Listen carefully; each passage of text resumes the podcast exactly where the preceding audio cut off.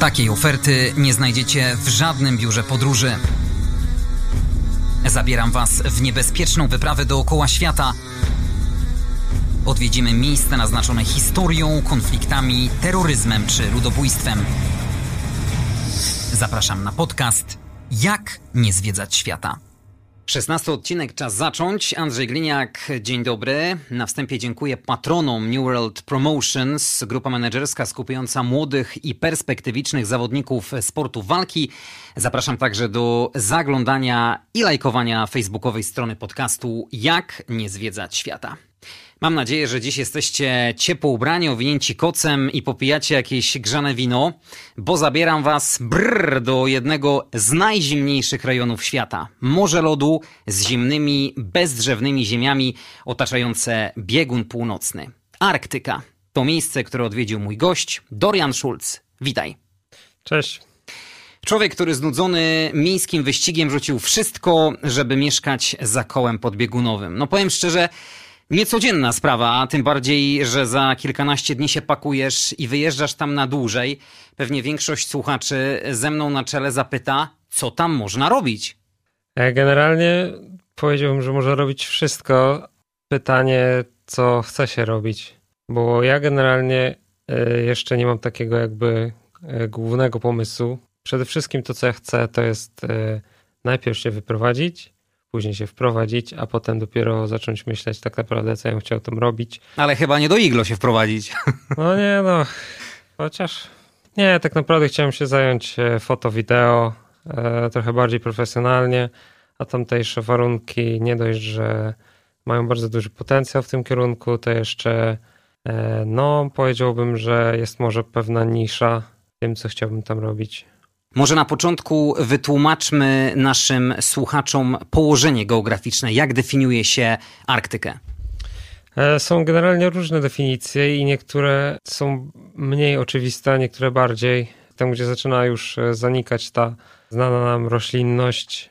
Ja tak myślę, że najlepszą według mnie definicją to jest 70 stopień szerokości geograficznej północnej, e, chociaż też nie do końca tak jest, bo na przykład y, takie norweskie miasto Tromso już nazywane jest potocznie bramą Arktyki, mimo że jest tam tak samo tętniące życie praktycznie jak we Wrocławiu, z tym, że miasto jest po prostu znacznie mniejsze. W obrębie Arktyki znajdują się duże obszary Norwegii, Szwecji. Arktyka obejmuje też część Rosji, Kanady, Finlandii, Alaskę, Grenlandię, Islandię oraz Ocean Arktyczny. Dokładnie. Powiedziałbym, że Islandia to może tak trochę na wyrost, bo patrząc na e, no właśnie na szerokość geograficzną, to Islandia szczerze mówiąc nie jest nawet e, nie jest nawet w miejscu koła podbiegunowego. Natomiast e, no jest tak przyjęte, że faktycznie można zaliczyć ją do arktycznych klimatów, to na pewno można zobaczyć tam zorze polarne, dzień polarny, noc polarną. No musisz przyznać, że przeciętnemu Kowalskiemu Arktyka kojarzy się z miejscem pokrytym lodem, z bezkresem. I tak też jest, ale równie dobrze można powiedzieć, że Arktyka kojarzy się z takim, tak jak już wspomniałem, miastem jak Wrocław, bo wszystko zależy od, e, tak jakby uogólniłbym kraju. Ty miałeś kilka wypraw e, tak. na Arktykę. Skąd w ogóle pomysł na to miejsce się wziął? Mm, pomysł był dosyć dziwny, bo Koło 2019 klikałem sobie po mapie na Google Earth i tam po prostu zainteresowało mnie, co jest na północnym krańcu Europy, e, gdzie to się dokładnie znajduje ten koniec i po co ktoś w zasadzie miałbym tam jechać. Powiększyłem mapę i ujrzałem w zasadzie normalną drogę na samym końcu, a nawet y, turystów. Więc ja zdziwiłem, jak to jest możliwe, że, że tam po prostu tętni życie, mimo że to jest tak, tak odległy rejon, E, bo sam myślałem właśnie, że Arktyka to jest naprawdę tylko i wyłącznie jakieś tam, no powiedzmy taka Antarktyka. A jednak się okazuje, że e, zależy gdzie pojedziemy, to takie znajdziemy warunki.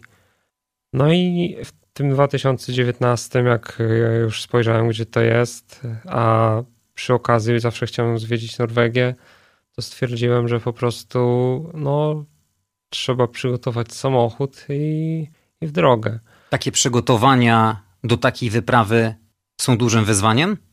Myślę, że szczególnie na początku, tak. Później to już jest łatwo, bo teraz na przykład y, to ja za bardzo nawet nie myślę o tym, co zabiorę. Po prostu już y, część rzeczy mam w samochodzie już wbudowaną na stałe, a część po prostu wezmę z doskoku i tak naprawdę zajmie mi to dwa dni. Ale do takiej pierwszej wyprawy, no to to się tak z pół roku powiedzmy przygotowywałem, włącznie z przygotowywaniem samochodu. Pierwsza myśl, która przychodzi mi do głowy myśląc o Arktyce i wyprawie do tego miejsca, no to są ciepłe ubrania. Tak, e, zależnie od pory roku e, i od kraju, tak jak powtarzam. W Norwegii jeszcze można się obejść bez tych super najcieplejszych, ale na pewno w Rosji czy, czy nawet już w północnej Finlandii te klimaty są troszkę inne, zimniejsze na pewno, bardziej ostre. Średnia temperatura nawet w najcieplejszych miesiącach w Arktyce to jest około 10 stopni. Tak, tak mniej więcej e, wyznacza się tą granicę Arktyki lipcowej z termo 10 stopni. Ja wybierałem się na początku e, we wrześniu, więc jeszcze nie było tak zimno, jak mogłoby być. Za drugim razem wybierałem się w maju, choć spotkał mnie śnieg. E, I teraz jadę typowo zimowy wyjazd, więc ten jest tak jakby najbardziej będzie chłodny z tych wszystkich. No to oczywiście nie cały czas, ale no wyjeżdżam w zasadzie za tydzień i mam zamiar spędzić tam trochę, więc na pewno trzeba będzie pomyśleć o najcieplejszych ciuchach. Początek twojej pierwszej wyprawy na Arktykę rozpoczął się od Finlandii. Jak rozpoczęła się pandemia, to w zasadzie, żeby dostać się tam, gdzie ja chciałem, to trzeba było trochę, trochę na wymyślać. I tak jak na przykład za tydzień sprawa jest prosta, bo wsiadam na prom w Gdyni, wysiadam w Szwecji, jadę do góry to w zeszłym roku sprawa była o tyle skomplikowana, że żeby ominąć te wszystkie restrykcje i tak dalej, trzeba było jechać e, do Niemiec, tam wstąpić na prom do Helsinek i z Helsinek dopiero na północ, bo Norwegia wpuszczała tylko północną Finlandię. Także zaczęła się podróż tak naprawdę od Finlandii i to przez Finlandię e, wjeżdżałem do Norwegii przy jednej z najbardziej wysuniętych na północ granic. Pierwsze wrażenia, które towarzyszyły ci po zobaczeniu tego miejsca, po postawieniu stopy już na tej Arktyce właściwej? Widać było naprawdę, że, że zmienia się krajobraz. Też zależy, z której strony się wjeżdża, ale ja akurat wjechałem z takiej strony, że to naprawdę było aż szokujące, bo Finlandia jest powiedzmy pełna lasów, jezior i takich znanych nam klimatów, ale też ma dobre drogi, można bardzo szybko dostać się na północ. I w zasadzie dwa dni, no dwa, trzy dni jazdy jest się w stanie dostać na sam szczyt. I prawie, prawie do samego końca Finlandii wszystko wyglądało jak u nas. I nagle z przekroczeniem praktycznie granicy norweskiej z ziemi zaczęły wyrastać te wszystkie góry norweskie, E, zaczęły zanikać drzewa, zaczęła pokazywać się ta tundra. Oczywiście renifery zaczęły wychodzić na drogę, jakby były u siebie, no bo zresztą są. No i fiordy. Od razu e, kilka kilometrów za granicą przywitał mnie pierwszy fiord i to był fiord e, nad Morzem Barenca już, nawet nie norweskim, więc to było jeszcze, jeszcze bardziej takie szokujące dla mnie, że to już jest tak jakby prawdziwy koniec świata. Mam samochód terenowy, i generalnie rzecz biorąc, to też nie było tak, że celem był dojazd tam jak najszybciej, bo też uważam, że celem jest podróż sama w sobie. I w związku z tym po prostu trzymałem się głównie dróg takich bocznych, nie autostrad, bo dla mnie jest to największa frajda po prostu jeździć e, drogami, powiedzmy, odludziami, gdzie nie ma za bardzo twardego asfaltu, gdzie nie jeżdżą kampery i tego typu E, reszta ludzi. Pierwsza noc minęła gdzieś tam nad jakimś jeziorem, jednym z 400 tysięcy fińskich, także nawet nie wiem, jak ono się nazywało. E, oczywiście było pusto. No z jednej strony jesteś zdany sam na siebie. To jest... Wiem, że to nie była cywilizacja, tylko poza tymi głównymi osadami. No, ja specjalnie wybierałem takie szlaki. Zazwyczaj staram się wybierać takie szlaki, yy, które biegną dala od głównych dróg nie zawsze jest to możliwe, ale tak jak już mówiłem, po to jest auto terenowe, żeby je w ten sposób używać i tak jak na przykład teraz byłem w Szwecji, to 80% dróg była bezdrożami. Ktoś ci towarzyszył przy okazji tej pierwszej wyprawy? Tak, w zasadzie zawsze mi y, ktoś towarzyszył. Teraz na przykład najciekawszą wydaje mi się historią jest y, to, że y, po powrocie z, z Norwegii, w zasadzie z, z objazdu wszystkich krajów nordyckich w zeszłym roku, stwierdziłem, że skoro mój ojciec kończy 60, no to zrobimy mu taki prezent i chciałem go zabrać za koło polarne w Szwecji. I pojechaliśmy tam na początku maja. Planowaliśmy tak 2-3 tygodnie. E, niestety Norwegia i poboczne kraje były wszystkie zamknięte, ale też e, zabawa była świetna. Ty miałeś plan tej pierwszej wyprawy, czy po prostu pojechałeś bardziej spontanicznie? E, jeśli chodzi o pierwszą wyprawę, to miałem plan dosyć, dosyć nawet sztywny, bym powiedział. Jak on wyglądał? Mniej więcej wyliczyłem ile kilometrów chciałbym robić dziennie maksymalnie, albo ile godzin dziennie chciałbym maksymalnie podróżować. Sprawdziłem, ile mniej więcej kilometrów e, jest do zrobienia i ile mam tak naprawdę wolnego. No i starałem się jakoś to e, wszystko pogodzić, żeby wiadomo, nie spędzać całego dnia w samochodzie, ale żeby też pochodzić gdzieś, porobić jakieś zdjęcia, podziwiać jakąś naturę.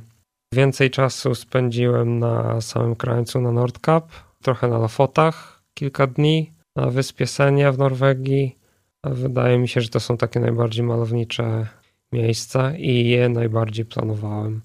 W sensie dosłownie zaznaczałem na mapie punkty, które chcę zobaczyć, a że był wrzesień i że była epidemia, to wszystkie te miejsca praktycznie były puste na szczęście, więc e, można było je podziwiać w spokoju, co się zdarza bardzo rzadko. Często była taka sytuacja, że z jednego do drugiego punktu jak jechałeś przez kilkadziesiąt, może nawet kilkaset kilometrów, nie było żywej duszy? Mm, tak, oczywiście. Na co z paliwem w takim razie? Jak się zabezpieczyłeś y, w przypadku braku stacji benzynowej? Szczerze mówiąc, to mało jest takich miejsc na świecie, gdzie, gdzie trzeba zabierać y, ze sobą dodatkowy zbiornik paliwa. Jest to trochę taki mit. Takie miejsca oczywiście istnieją, ale powiedziałbym, że bardziej w Australii lub gdzieś w głębokiej Rosji bo jednak e, wszystko w krajach nordyckich funkcjonuje znakomicie i też stacje paliw też e, są e, w miarę rozsądnym dystansie, nawet za kołem polarnym.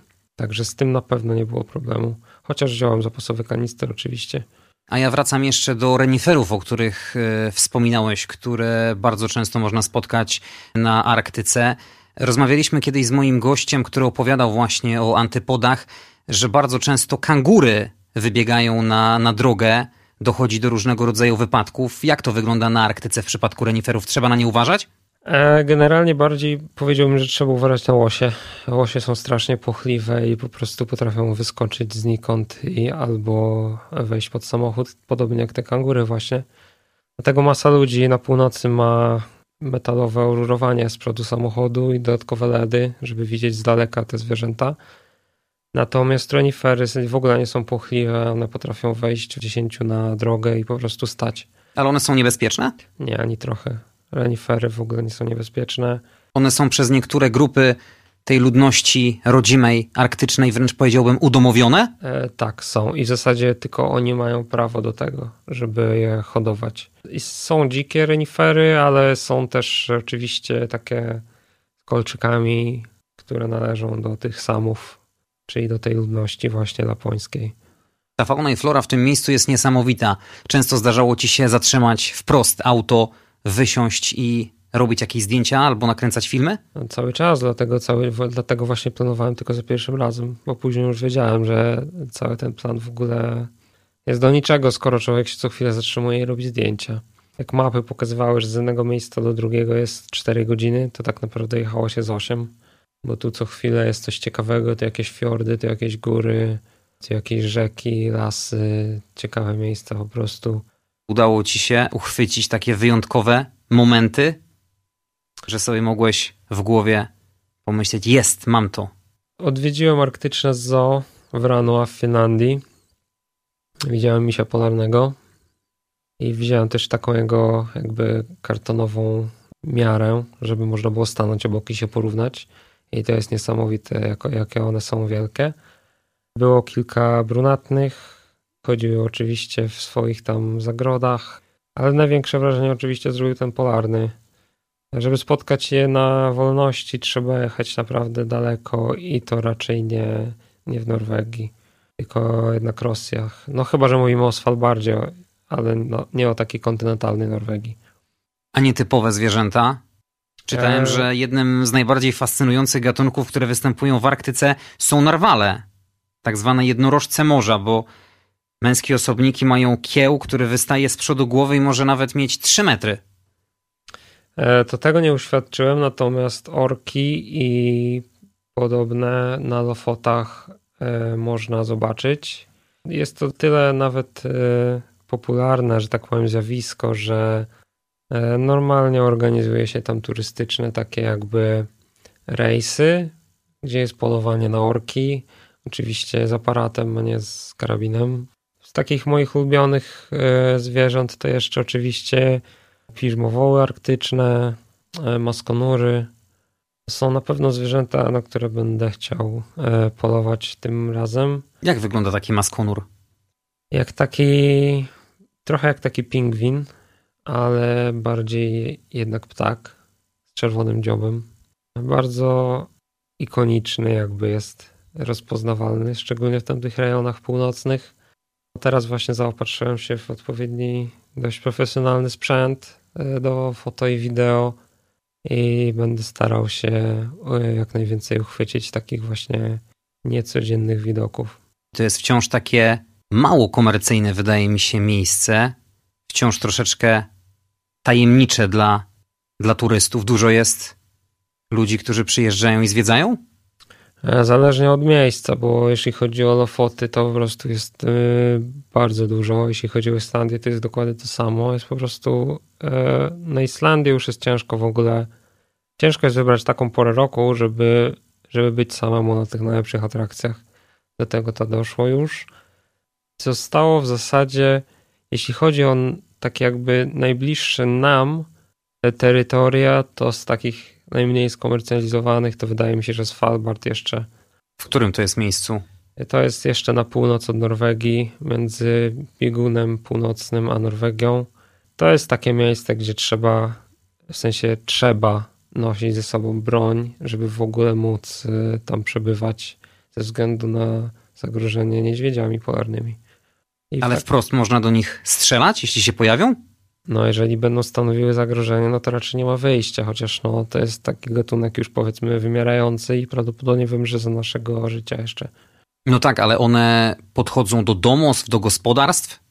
E, zdarza się. E, zdarza się. No niestety albo stety, zależy jak to sprawę ująć. Nie miałem przyjemności jeszcze takiego mi się spotkać, ale jak najbardziej jeśli chodzi o Arktykę, to potrafi być tak, że ktoś dajmy na to, opuści nam jakiś czas swój, swoją chatkę czy coś i wraca i tam są jakieś ślady stóp powiedzmy. Już... E, Czyli taki niedźwiedź wszedł do kogoś do domu?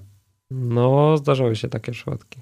No myślę, że spotkanie twarzą w twarz z takim drapieżnikiem, delikatnie mówiąc, może skończyć się nie właściciela takiego domostwa. Generalnie to nie jest tak, że one są jakieś nie wiadomo agresywne. Bardziej bym się obawiał, że to człowiek będzie tym pierwszym, który robi coś, co będzie nie pomyśli takiego niedźwiedzia, jakaś matka z młodymi i takie rzeczy. Jest wiele filmów, gdzie na przykład jest ekspedycja polarna i e, dwa samochody jadą i ten niedźwiedź się naprawdę boi podejść, także to jest, to wszystko jest sytuacyjne i ciężko jest tak naprawdę to przewidzieć.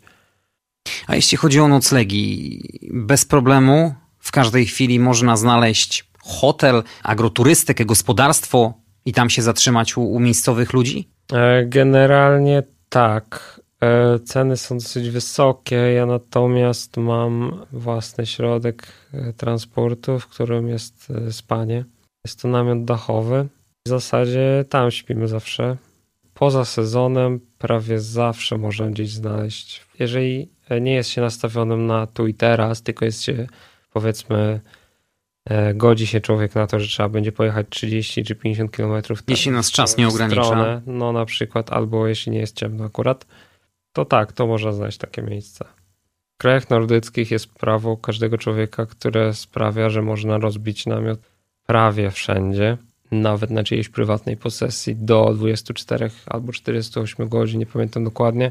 No oczywiście jak ktoś powie, że sobie nie życzy, no to należy się zabrać stamtąd. Natomiast y, nie jest tak jak u nas, że ktoś przyjdzie i pogoni, bo na tym polega właśnie prawo tej wolności człowieka do kontaktu z naturą, że wszędzie można, e, wszędzie można spać. Oczywiście z wyłączeniem tam pewnych stref i tam powiedzmy 150 metrów od najbliższego budynku, ale z tym akurat nie ma problemu. Plus w wielu miejscach po prostu jest na tyle zadbana infrastruktura, że nad jakimiś jeziorami, czy takimi, nie wiem, wodospadami, czy rzeczkami y, są przygotowane miejsca, gdzie normalnie można zrobić grilla, albo jest nawet przygotowane pocięte drewno, jakby ktoś chciał sobie zrobić ognisko.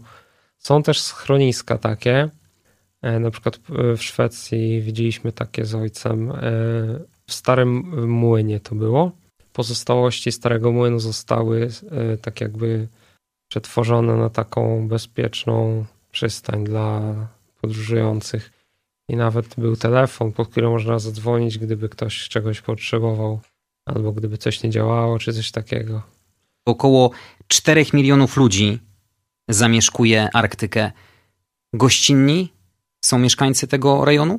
No, jak najbardziej. Powiedziałbym, że im bardziej się jedzie na północ, tym bardziej ludzie są e, gościnni i dotyczy to w zasadzie wszystkich krajów.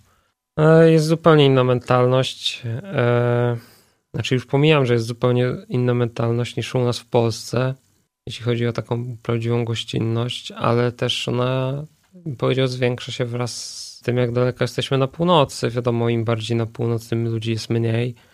I po prostu ci ludzie jakby bardziej są ze sobą zżyci, albo bardziej są chętni sobie pomóc, bezinteresownie nawet. A wy niejako jesteście dla tych miejscowych atrakcją.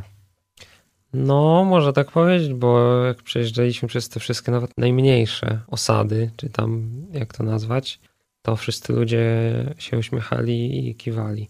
Najciekawsza przygoda, która spotkała cię podczas wyprawy na Arktykę? Hmm, wydaje mi się, że to było przejście na, na najbardziej wysunięty na północ punkt Europy.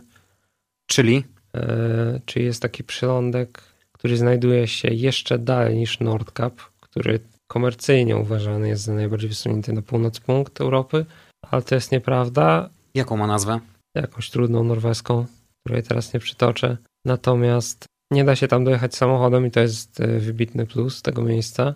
W zasadzie, żeby tam się dostać, to z Nordkap należy zawrócić ileś kilometrów i zostawić auto na takim jakby niby parkingu i wtedy wystarczy przejść 9 km w jedną stronę pieszo po górach, e, gdzie jest ślisko, z reguły wiecznie pada i można przejść na sam koniec e, tak naprawdę tego miejsca. No i to było dosyć ciekawe przeżycie, bo idąc tam była tabliczka, która mówiła o, oprócz tego, że tam na przykład było napisane wychodząc na dłużej, żeby zostawiać kartkę w samochodzie, żeby w razie czego jakieś służby coś wiedziały, że ja, że ja nie zaginąłem, tylko poszedłem na spacer. Trochę za szybko przeleciałem wzrokiem tą tablicę i nie zauważyłem, że 9 kilometrów to jest w jedną stronę, a nie w dwie. I po dotarciu tam o 18 bodajże 40 czy coś takiego, gdzie droga w jedną stronę zajęła 3 chyba i pół godziny, na końcu można było się wpisać do księgi gości.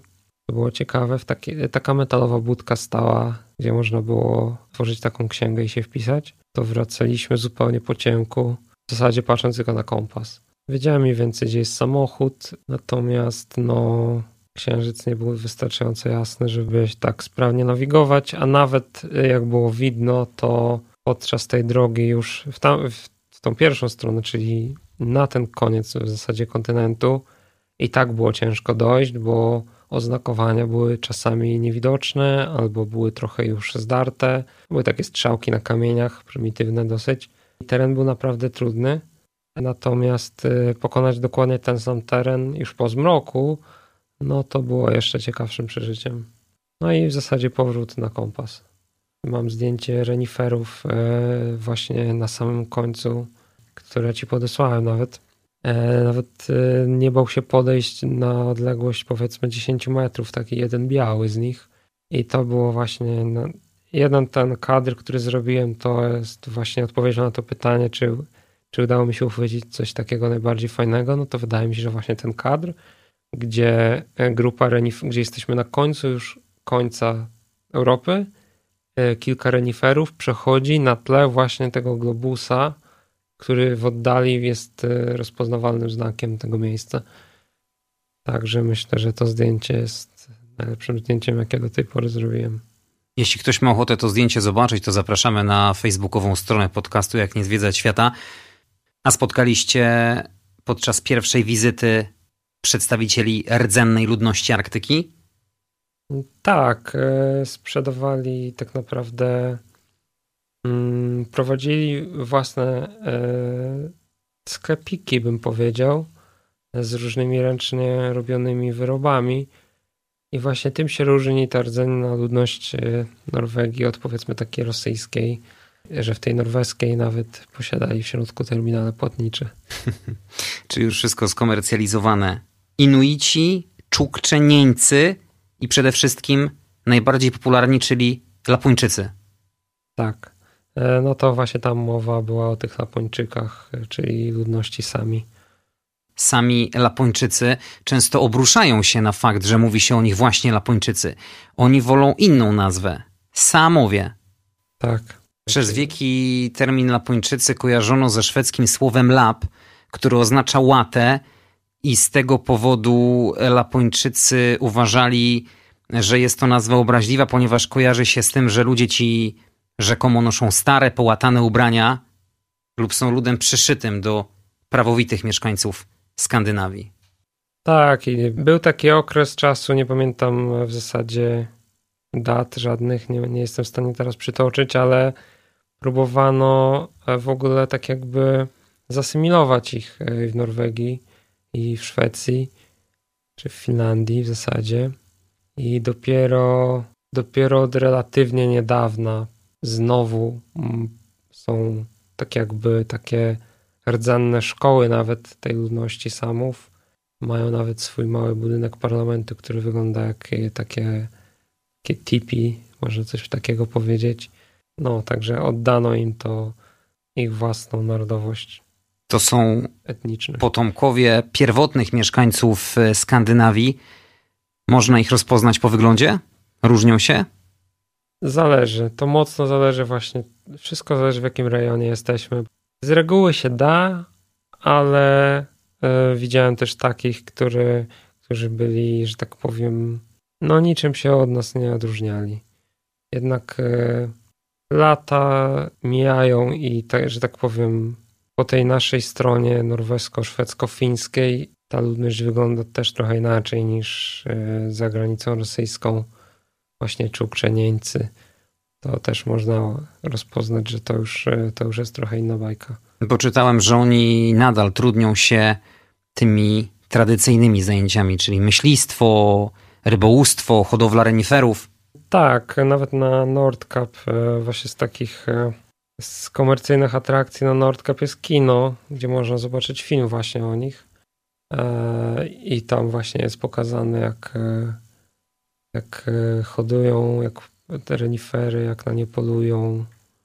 Czyli rzadko można spotkać takiego Lapończyka, sama, który mieszka w iglo, bo to też jest taki stereotyp związany z Arktyką, że w tych rejonach bardzo często ta rdzenna ludność mieszka właśnie w iglo. Gdyby pojechać do Rosji, to myślę, że ten stereotyp wcale nie odbiegłby od rzeczywistości. Natomiast jeśli chodzi o Norwegię, Szwecję i Finlandię to w większości jednak e, ci ludzie mieszkają w takich domach jak e, reszta Norwegów, Szwedów czy Finów. Jak się przystosowaliście do tych temperatur? Ja osobiście. E... Musieliście się przez kilka dni zahartować? To zależy, bo kilka dni jazdy jednak to też nie jest tak, że ta temperatura robi się, przekracza się jakąś tam szerokość geograficzną i nagle cyk minus 10 stopni, czy coś takiego. To tak nie wygląda, jednak e, można spokojnie zacząć jechać na północ i, i widać, kiedy ta temperatura e, zaczyna się zmieniać. Też na przykład e, takim zaskoczeniem ostatnio w Szwecji było, że nikt nie spodziewał się nawet ujemnych temperatur. W zasadzie nikt nie spodziewał się temperatur mniejszych niż powiedzmy 5 stopni, ale nawet nie, nie chciało nam się już rozkładać namiotu, bo po prostu albo lało, albo była wichura, już nie pamiętam. I obudziliśmy się po prostu w samochodzie, zasypani śniegiem na 12 cm około. To wszystko w 8, w 6, w zasadzie 7 może godzin. Oczywiście auto nie miało problemu z wyjazdem, ale szok, y, szok pozostał. Taki fajny na pewno, bo było to blisko tabliczki, gdzie, gdzie przekracza się to słynne koło podbiegunowe, gdzie biegnie ta linia. Jednego dnia zrobiliśmy sobie zdjęcie bez śniegu i za, za w zasadzie 10 godzin, może 8, przyjechaliśmy z powrotem w to samo miejsce, zrobić już w zimowej scenerii dokładnie ten sam kadr. Mam dla ciebie zagadkę. Wiesz, jaką najniższą temperaturę zanotowano w Arktyce w historii? Minus 67? Blisko. Pomyliłeś się zaledwie o 3 stopnie. Minus 70 stopni. Niesamowite. No. Chciałbym doświadczyć na pewno minus 50. Nie wiem, czy minus 70 jest w ogóle wykonalne. I to jest też jakiś mój plan na przyszłość też. Pojechać do Rosji. A wy na jaką temperaturę najniższą trafiliście? E, nie było aż tak zimno. No, w zasadzie kilka, kilka stopni na minusie, chociaż teraz e, wszystko jest przygotowane pod. E, spodziewam się nawet w niektórych miejscach, znaczy nie tam, gdzie zamierzam mieszkać, bo tam nawet woda nie zamarza w tym miasteczku. Natomiast wystarczy pojechać niedaleko w zasadzie i tam w górach temperatura potrafi spaść do minus 35 no i też na taką temperaturę chciałbym się przygotować e, i e, w zasadzie przekonać się, jak to jest. Ja kiedyś po zdobyciu doświadczenia większego, powiedzmy, w takich temperaturach udać się na Jamał w Rosji. Jest to ciężkie logistycznie, trzeba wielu pozwoleń, między innymi od FSB, od Gazpromu, ale myślę, że to jest taka wyprawa, którą na pewno chciałbym kiedyś przeżyć. Ta Rosja cię kusi, z tego co słyszę, od początku w zasadzie audycji. Tak, e, na pewno. Wiadomo, no nie dość, że na co dzień, że tak powiem, jest ciężko, bo jednak trzeba mieć wizę, to teraz w ogóle e, podczas żadnej wyprawy nie, nie udało się nawet wjechać kawałek. A plan był taki, żeby zahaczyć o Półwysep Kolski. Nie wiem, za, za, za zerknąć chociaż do Murmańska ale no nie dało rady po prostu w, przez COVID y, granice były całkowicie zamknięte i nie wiem kogo trzeba by było znać, żeby można było wjechać. Ale taki jest plan na przyszłość. A gdybyśmy chcieli zlokalizować główne miejsce Arktyki, co by to było? Myślę, że nie ma takiego miejsca. Y, są jedynie wytyczone takie punkty Bardziej bym tutaj mówił o kole podbiegunowym niż o samej Arktyce, bo nie widziałem, żeby było jakiekolwiek centrum Arktyki. Chyba, że można nazwać takim e, biegun północny. To bym nazwał środkiem Arktyki. E, natomiast jeśli chodzi o same koło podbiegunowe, to Norwegia, Szwecja i Finlandia mają swoje punkty, gdzie są takie trochę bardziej komercyjne na przykład w Norwegii jest taka wielka kopuła, gdzie jest Arctic Circle Center, a jest tam sklepik z różnymi tam pamiątkami i tak dalej. Jest wielkimi cyframi e, namalowane 66 stopni, 33 minuty. W Szwecji ten punkt jest najmniejszy, też podesłałem zdjęcie. To jest właśnie tam, gdzie jest, e, spotkała nas ta Nagozima. A w Finlandii jest najbardziej ten punkt taki bogaty, bo w Finlandii. Ten punkt znajduje się w Rovaniemie, w wiosce Świętego Mikołaja. I jeżeli ktoś chciałby wybrać się w te rejony, to polecałbym mu właśnie zacząć od Finlandii i od tego miejsca. Kojarzy mi się, że Rovaniemi to też takie trochę skomercjalizowane właśnie przez Świętego Mikołaja miejsce. Pewnie jest jakieś muzeum, dom, jest w którym to, mieszkał jest... czy, czy wychował się Mikołaj. Ja szczerze mówiąc, jadąc tam też byłem przekonany, że tam będzie pięć domków na krzyż. E, okazuje się, że Rovaniemi jest już dosyć sporym miasteczkiem, natomiast wioska znajduje się kilka kilometrów za centrum, gdzie faktycznie już jest, to już jest na wylocie z, z Rowaniemi jako takiego. E, no i znajduje się tam cała taka jakby wioska. Jest e, ta, przede wszystkim ta poczta świętego Mikołaja. Jest masa różnych sklepów z pamiątkami i takimi rzeczami. E, jest też taka jakby wytyczona wioska, gdzie można wynająć domki. Pewno jest obłożenie wielkie w, na Boże Narodzenie. Ale też przeszła mi przez myśl taka myśl, żeby tam pojechać e, w tą Wigilię, ale zobaczymy jeszcze, jak będzie właśnie wyglądać z, z turystami.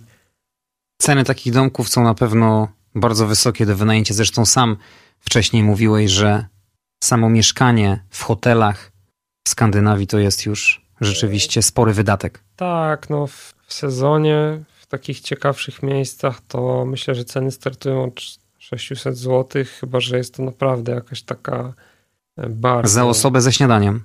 Nie, w zasadzie nie liczy się od osoby, tylko no liczmy, że to mały jest taki malutki domek albo część tego domku. To tam już, czy jedna osoba, czy dwie, to w zasadzie cena jest taka sama. Ale sezon wiadomo w tamtych rejonach jest bardzo często, no bo co, w lato jest dzień polarny, jest co zwiedzać, to, to jest można powiedzieć, że jest sezon, bo można chodzić po górach i bez takiego problemu, że zaraz będzie ciemno. W zimę jest sezon, bo co chwilę są jakieś skutery śnieżne, haski zaprzęgowe, e, także sezon turystyczny, że tak powiem, e, zawsze, zawsze jest co robić. Także mówię, te ceny to tak. A koszty choćby jedzenia też należą do wysokich? Dla nas tak. Dla ludzi stamtąd niekoniecznie, bo e, nawet na samym Nordkap za jakiś kawałek ciasta, kawę, gofry, taką jakby specjalność norweską, takie specjalne gofry mają, to można zapłacić powiedzmy za, ja tak przeliczałem mniej więcej ile bym zapłacił za to samo we Wrocławiu w jakimś takim Starbucksie czy w innym takim miejscu i się okazało, że ceny były bardzo porównywalne, nawet może no może z 20% drożej by mi to wyszło, więc yy, więc tak naprawdę nie jest tak źle, jak mogłoby się wydawać, a dla Norwegów czy dla tamtejszych, to podejrzewam, że to w ogóle już nie jest e, jakiś wielki problem. Co oni tam jedzą? Bo tak naprawdę w takich temperaturach ujemnych te wszystkie warzywa, owoce, ciężko, żeby one tam rosły. To jest w większości import? E, nie wiem co do importu. Wiem na przykład, że mm, Lofoty to na Lofotach wszędzie można e, zobaczyć jakieś sieci, jakieś takie konstrukcje, gdzie te ryby leżą. Wszędzie są kutry rybackie, także widać, naprawdę widać, że ten połów ryb po prostu tam idzie na masową skalę i są naprawdę wielkimi eksporterami tego wszystkiego. Próbowałeś jakiś nietypowy gatunek ryby? E, no nietypowy to nie. Próbowałem łososia i... Filet zorki na przykład? Nie, jeszcze nie. No może trochę szkoda, ale w zasadzie najbardziej lubię łososia, więc e, jadłem łososia. Jest różnica na pewno jakaś tam w smaku.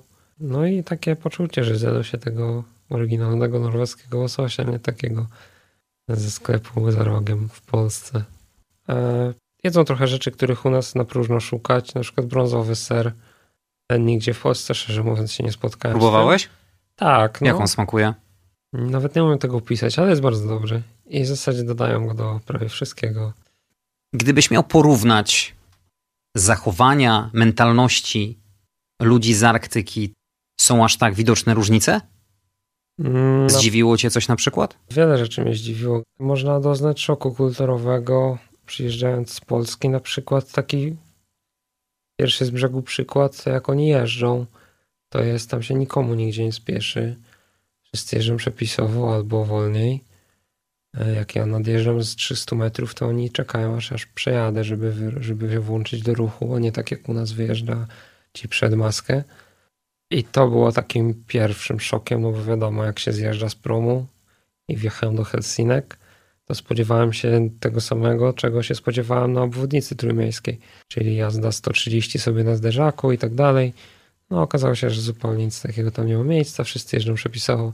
Wiadomo, w Finlandii też mandaty są zależne od zarobków, e, także można dostać parędziesiąt tysięcy euro mandatu nawet za przekroczenie prędkości.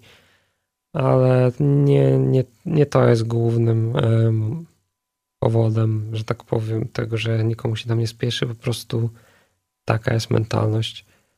Spojona kultura jazdy. E, nie tylko jazdy, tylko w ogóle bycia, bo może to zauważyć też poza drogą, po prostu ludzie tak jakby nie gonią za niczym, tak jak gonią u nas. E, nie spieszą się za bardzo nigdzie z niczym. Fakt, że niektórych może to denerwować, bo załóżmy jakaś sprawa urzędowa może się przedłużać. Natomiast tam nikt e, raczej nie, nie robi nadgodzin, nie ma, takich, e, nie ma takiej presji w ogóle. Zupełnie inaczej wygląda rekrutacja do pracy niż u nas, przynajmniej z tych branży, co ja kojarzę. No zupełnie inny jest ten balans życia i pracy. E, życie jest znacznie spokojniejsze i to jest e, świetny kierunek, żeby odpocząć mentalnie. Czyli te troski niejako, a może inaczej, ta pogoń pędza za, za pieniądzem jest zupełnie inny niż, niż tutaj w Europie Zachodniej. Oczywiście jest praktycznie nieistniejąca. Też e, jakby to wytłumaczyć najprościej. U nas każdy chce mieć najlepszy samochód i mieć duży dom, żeby pokazać się sąsiadowi Szwecji, to jest jakby wyznacznik luksusu dla nas, tak? Tak, dokładnie. W Szwecji natomiast y, prawie wszystkie domki wyglądają tak samo, mają ten sam odcień, czerwień faluńska. Wszyscy jeżdżą Volvo w Szwecji. Szef czy pracownicy, wszyscy jeżdżą tymi Volvo. I tam jest też takie prawo jęte, to szczególnie w Norwegii. I jednym z punktów tego prawa jest to, że na przykład żeby nie czuć się lepszym niż, y, niż drugi człowiek. I no mówię, zupełnie mentalność jest y, tak y, różna od naszej. Niestety brakuje nam tego jeszcze. Nie wiem, czy kiedyś ich dogonimy na tym polu. Z chwilą, jak tam wjeżdżasz, to tak naprawdę pozbywasz się tych wszystkich problemów z tyłu głowy, co ma się je podróżując nawet po Polsce. W zasadzie nawet nie muszę tam pamiętać o tym, żeby zamknąć samochód bo wiadomo, że ludzie żyją na takich poziomie, że no, sytuacja, że ktoś mnie okradnie czy coś jest praktycznie zerowa. E, także pokój jest na pewno większy. Żadnych nieprzyjemności nie mogę skojarzyć. A trafiłeś na noc polarną w tym miejscu? Tak popularną? E, na noc polarną nie, ponieważ noc polarna występuje w określonych e, miesiącach. E, Zimą głównie. Tak, trafiłem na dzień polarny w maju. I trzeba było mieć w namiocie opaski na oczy, żeby w ogóle zasnąć. Bo słońce zachodziło, to tak w cudzysłowie, zachodziło na pół godziny, godzinę może. To jeszcze nawet nie był taki pełny dzień polarny, gdzie słońce w ogóle nie zachodzi. Tylko zachodziło, załóżmy, tak na na godzinę, natomiast teraz tam, gdzie jadę, trafię na miesięczną e, noc polarną. Dzień polarny polega na tym, że jest środek nocy, a jest jasno. Tak, słońce jest e, zawsze nad horyzontem, po prostu zbliża się do niego i jest dosyć nisko, ale nigdy nie, nie chowa się za horyzont. Jakieś inne jeszcze zjawiska? No, zorza na pewno, oczywiście. To jest e, wspaniałe zjawisko i e, całkowicie przypadkiem udało mi się uchwycić. Jak byś to było określił to? E, to było takie miejsce, że to była połowa września. W zasadzie stwierdziłem, że to jest trochę jednak jeszcze za wcześnie na zorze.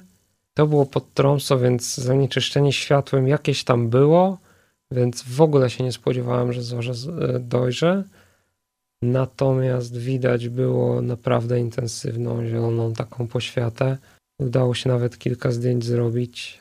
Może nie są one na lepszej jakości, no ale teraz będą dobrej jakości, bo teraz już jestem na to przygotowany. E, no i naprawdę to było e, fajne przeżycie. Niektórzy jadą, niektórzy organizują e, atrakcje turystyczne tylko i wyłącznie polegające na szukaniu zorzy. Jadą gdzieś tam lecą gdzieś do Islandii i wyczekują jej i czasami się zdarza, że kilka dni nic nie widać. A mi się tak udało w zasadzie spojrzeć w niebo i o, jest. I trwała tak powiedzmy z dwie, dwie godziny. E, palce marzły, ale zdjęcia trzeba było robić. bo raz się pojawia tutaj, raz tam. No naprawdę to jest ciężko, e, ciężko jest opisać, ale, na, ale to, co widać... W, to trzeba po prostu zobaczyć. Tak, to trzeba po prostu zobaczyć. Też myślałem, że, że te zdjęcia, które widać w internecie, to jest taka, są mocno podkoloryzowane, że to jest trochę Photoshop i tak dalej. Ale jeżeli w takim miejscu widziałem tak intensywną zorzę, to jestem pewien, że niedaleko, kawałek jeszcze dalej od miasta, ujrzałbym jeszcze bardziej intensywną, zasłaniającą całe niebo, może nawet zorzę. Nie masz wrażenia, że przez tą pogodę oni mają czasami takie depresyjne nastroje? E, nie. E, oni dobrze wiedzą, co robić w noc polarną, żeby nie czuć się źle w żaden sposób. Widziałem, e, słyszałem i na ten temat właśnie opowieści. E, to nie jest tak, że oni są zaskoczeni, bo pierwszy raz w życiu przyszła noc polarna i przez miesiąc nie ma dnia. E, tylko po prostu to wszystko jest kwestią adaptacji i tam wymyślania sobie i po prostu innego rodzaju rozrywki podczas tego czasu. Często spotkałem się mm, z tym, że osobom myli się Arktyka z Antarktydą. Tak, bardzo często. No nie wiem, jak, jak, jak mogę to łatwiej wytłumaczyć. E, Antarktyda to jest kontynent. Antarktyda jest kontynentem, dokładnie. I ten kontynent e, jest w rejonie Antarktyki, a Arktyka jest e, na północy. Antarktyka to jest antyarktyka, czyli można tak łatwo zapamiętać, że jest po drugiej stronie globu. Kolejne wyzwanie przed tobą to już trzecia wyprawa. Tak, tylko czy nie wiem, czy może nazywać tą, ten wyjazd y, następny wyprawą taką wyprawą, bo to jednak jest. Y, Planujesz tam zostać na dłużej. Dokładnie. E, natomiast takich. E, to będą takie mini wyprawy. Na pewno będę jeździł po takich miejscach górzystych. Zostawał tam na noc. Wiem, że będzie zimno. Będę no, starał się na pewno wypatrzeć tą zwierzynę, którą bym chciał uchwycić. Co jest takim największym wyzwaniem przed tobą? No, jednak myślę, że ta Rosja. Ale to mówię, to jak ja to planowałem jeszcze przed, przed tym wyjazdem do Szwecji, to tak początkowo plan zakładał 2024 dopiero. No bo jednak no, samochody trzeba zupełnie inaczej przygotować i raczej się nie jedzie w pojedynkę tam. Z kim się wybierasz tym razem? Do Rosji chciałem zabrać też ojca, bo jednak e, taka wyprawa ojca z synem to jest naprawdę bardzo fajna sprawa i to też jest jego marzenie. Więc na pewno do Rosji chciałbym e, wybrać się z ojcem. Nie wiem jeszcze na ile będzie mu się podobała taka temperatura typu minus 40 stopni Celsjusza, ale no trzeba korzystać z życia i jechać. A z przedstawicieli fauny i flory masz jakieś e, marzenie, żeby zrobić zdjęcie jakiemuś gatunkowi wyjątkowemu?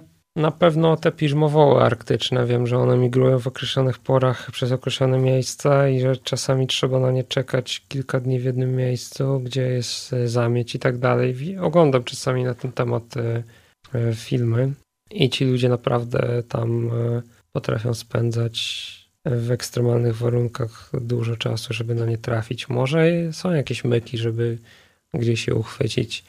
Takie dzikie dosyć łatwiej, no ale w takim naturalnym środowisku chciałbym zrobić takie zdjęcie, że będzie naprawdę podczas takiej zamieci e, prawdziwej. No i niedźwiedzie polarne to też wiadomo, ale to, to, to znowu ta Rosja.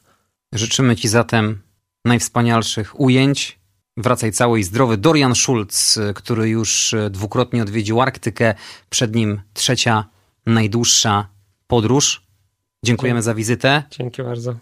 A my tradycyjnie słyszymy się za tydzień po godzinie 20 w kolejnym odcinku podcastu Jak nie zwiedzać świata. Andrzej Gliniak, pozdrawiam. Do usłyszenia.